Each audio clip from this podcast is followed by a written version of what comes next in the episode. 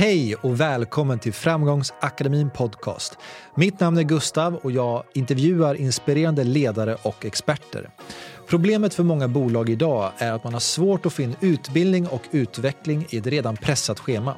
Därför har vi på Framgångsakademin skapat digitala utbildningar som du kan inspireras av och lära utav när du vill, när du har tid. Och det här är kurser inom ledarskap, försäljning och din egna personliga utveckling. Och jag vill också tipsa dig om en rabattkod som vi har just nu. Och den ger dig 20% när du tecknar 12 månader på framgangsakademin.se. Ange koden UTVECKLAS20. Nu tycker jag att vi startar igång poddavsnittet. Välkommen! Och ett företag som har jobbat med Christer Olssons kurs, det är företaget Richards. Och eh, nu ska vi träffa Emily Gyllner som är nordisk HR-chef på Richards. Jobbat där i åtta år och byggt upp deras HR-avdelning. Och de har använt sig av Christers kurs just för kompetensutveckling och för att sen också kunna mäta och analysera vad den här utbildningen faktiskt har gjort för dem.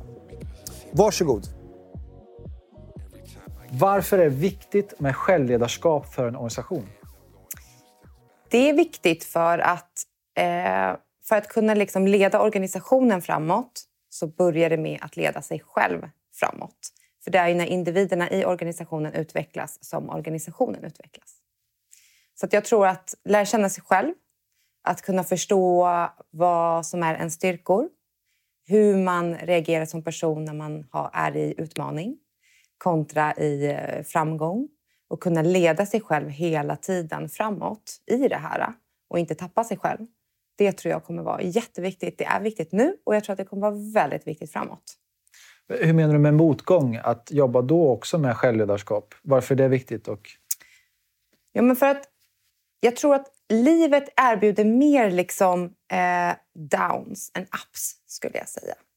Och när livet är som tuffast, eller ta bara så att du är hungrig eller att du är trött, eh, du har inte sovit, du har inte tränat på länge, eh, blodsockerfall, vad som helst. Vi blir liksom inte det skönaste, den skönaste versionen av oss själva. Eller hur? Mm. Och på det så kan jättemycket saker omkring oss hända som inte vi riktigt kan påverka. Det kan hända saker på jobbet, det kan hända saker privat, det kan vara konflikter. Eh, det är så mycket som händer hela tiden som gör att vi utsätts för en slags press.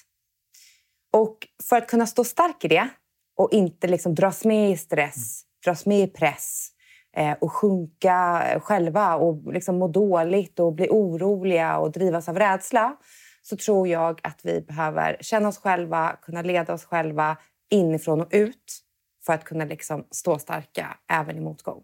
Mm. Så det är lite så svart bälte i, i stress, nästan, mm. att leda sig själv. Mm. Ni har jobbat med Christer Olssons kurs. Mm. Eh, berätta, hur har det gått?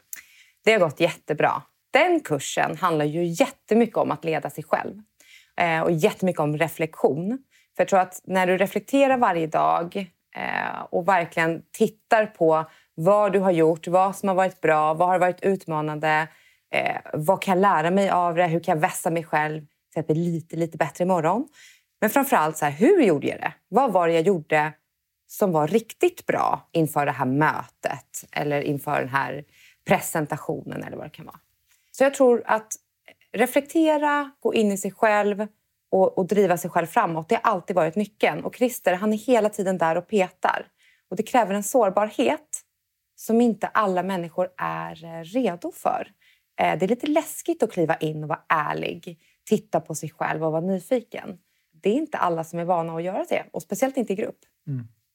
Han pratar om att våga veckla ut dig mm. och hur viktigt det är som ledare. Mm. Eh, och det vet jag att du, har, att du lever som du lär. Verkligen. Men hur, du som chef, mm. hur coachar du dina medarbetare i att vara så öppna, reflektera och vara sårbara? Jag har lite olika metoder för det. Eh, dels så startar vi alla, alla möten med att checka in. Eh, så alla får berätta om hur man mår och hur man har det. Men också hur man, hur man presterar. Kanske så här, vad är jag stolt över? Eh, och varför blev det så bra som det blev?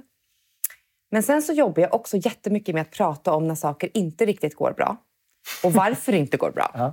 För det är där, alltså, vi lär oss otroligt mycket av att göra fel. Jag tror att man måste bara riva muren Eh, allt ska vara så perfekt hela tiden på ytan och vi ska vara så framgångsrika och allting ska vara så härligt och bra hela tiden. Mm.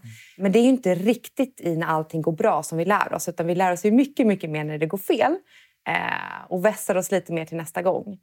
Och det kräver, det kräver mycket mer sårbarhet än vad man kan tänka sig att sitta i en grupp och prata om någonting som man faktiskt har gjort fel och ta ansvar för det.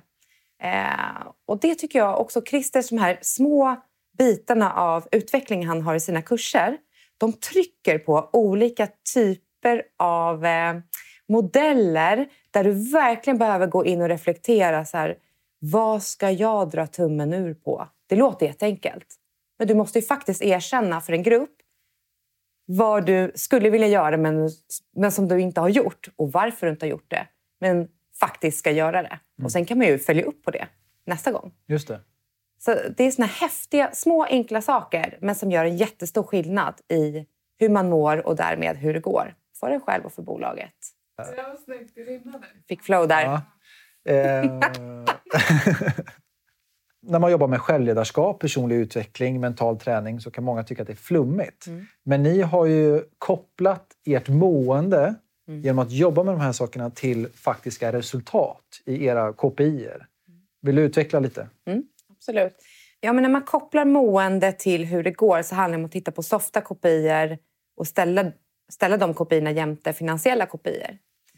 Och för att kunna ha softa kopior så behöver du ha något slags mätvärde. Det går inte att prata känsla utan du måste ha en metod för att mäta och där mäter vi exempelvis engagemang. Och det finns sju olika drivkrafter till engagemang som vi då ställer frågor på varje månad. Om man som medarbetare svarar då på hur man mår Eh, och hur man tycker att man utvecklas, om man ger sig feedback till sin chef, eh, och om man är stolt över att jobba där man jobbar och så vidare så får du ett KPI till slut. Och du får kopior på hela organisationen på alla nivåer. Men kopiet i sig säger ju ingenting. Vi promotar ju en, en svarsfrekvens, men själva KPI är ju bara en siffra. Så det som händer är ju i diskussionen efter resultatet mm. som är det viktiga i alla grupper. Och där spelar ingen roll var i organisationen du jobbar. Du som ledare behöver öppna upp för att visa resultatet transparens. Eh, låta bjuda in för diskussion. Låta medarbetarna vara med och välja vilka frågor som är viktiga för teamet just nu. Och där har vi en metod som heter Vad ska vi börja göra för beteenden som vi inte gör idag? Vad ska vi sluta göra och vad ska vi fortsätta göra? Mm. Och det kan handla om laganda. Hur ska vi spela bättre som ett lag? Ja, men vad gör vi idag som är jättebra som vi ska fortsätta göra? Så att man, det blir tydligt i beteenden vad det är vi ska liksom förbättra eller sluta göra till exempel som hjälper oss framåt. När du har de här konversationerna så får du också väldigt mycket insikt i vad som händer med teamet. Och där behöver du koppla chef och HR ganska starkt tillsammans och göra en actionplan för det teamet. För det är där liksom magin händer. Mm. Eh, när du sätter en actionplan, lyssnar in medarbetare och börjar ta till liksom insatser. Då kan du också sen se eh, att de finansiella kopiorna hänger efter. Mm. Vad, vad är dina tips för eh, HR-chefer som försöker få in det här med livslångt lärande, bygga liksom en lärandekultur? Eh, vad ser du finns för utmaningar och, och, vad har du lärt dig som liksom, men det där är ett bra sätt för att få in det här beteendet? För det är en beteendeförändring mm. som du få. Alltså, oftast får du försvaret direkt att man har inte tid. Eh, för allting går så otroligt fort idag. Det är, det, är, det är jättemycket möten. Vi är efter en pandemi. Vi är tillbaka till kontoret. Och Det gör att vi som medarbetare behöver vara väldigt flexibla, nyfikna och liksom lösningsorienterade för att driva framåt. Så jag tror medarbetaren själv måste sitta i förarsätet för sin utveckling. Eh, man måste, det måste finnas en vilja, och en drivkraft och en motivation hos medarbetaren. Och sen så måste organisationen och ledarna skapa förutsättningar för lärande.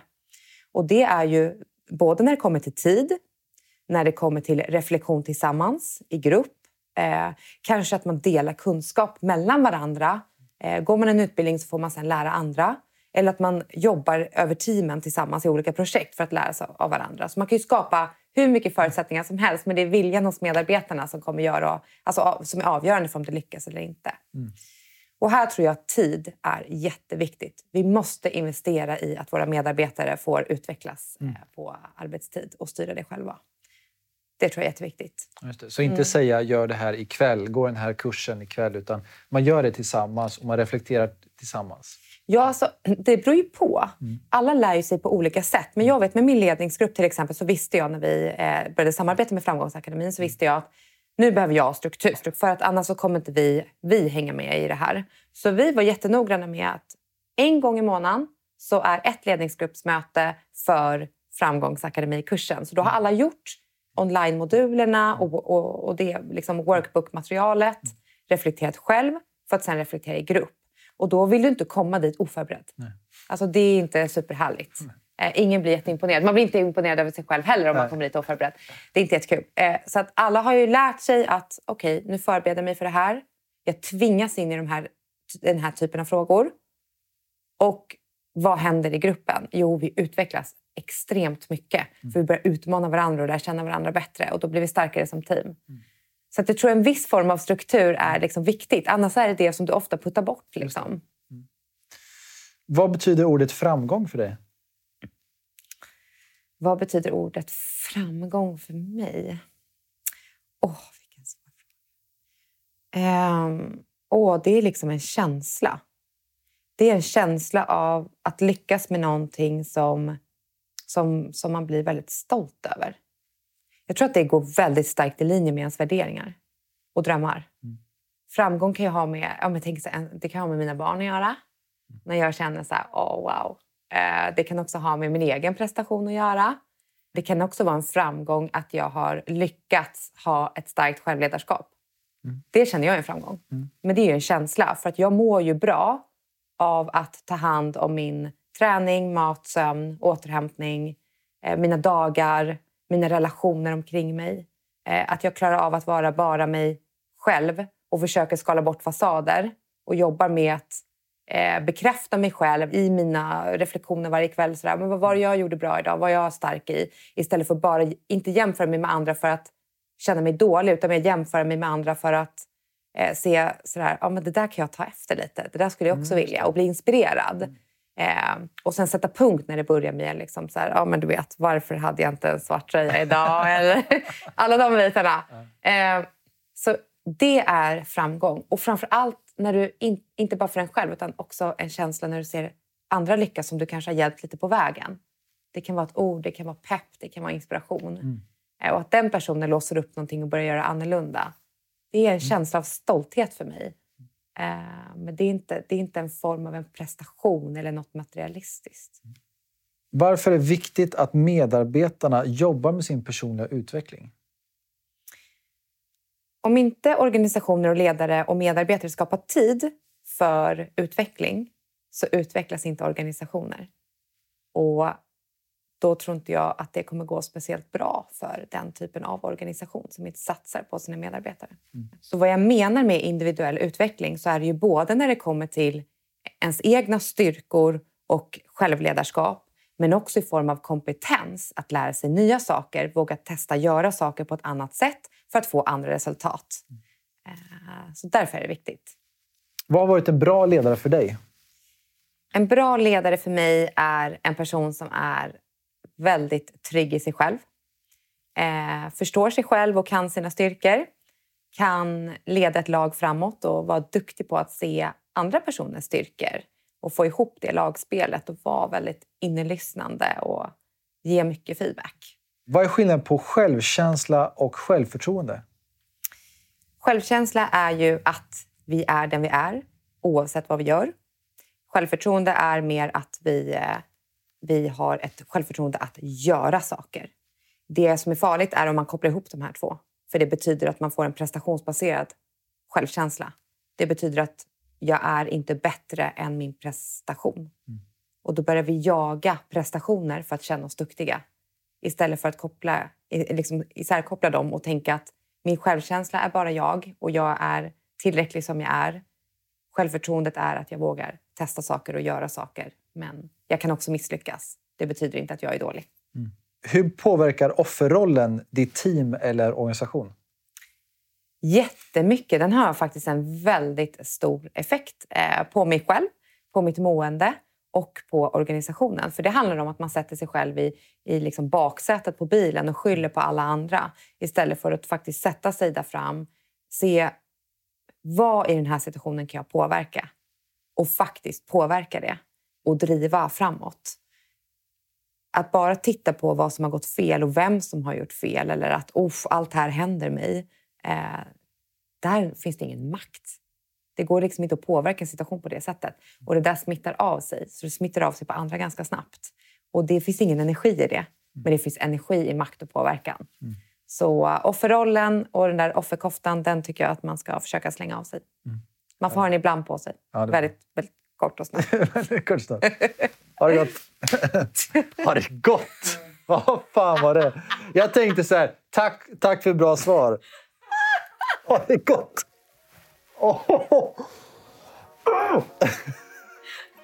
Ha det gott. Hej. Och jag bara, ja. Stort tack för att du valde att lägga din tid på att lyssna på det här poddavsnittet. Och jag vill tipsa dig om att du fortfarande har 20 rabatt på framgangsakademin.se. Ha en fortsatt härlig dag.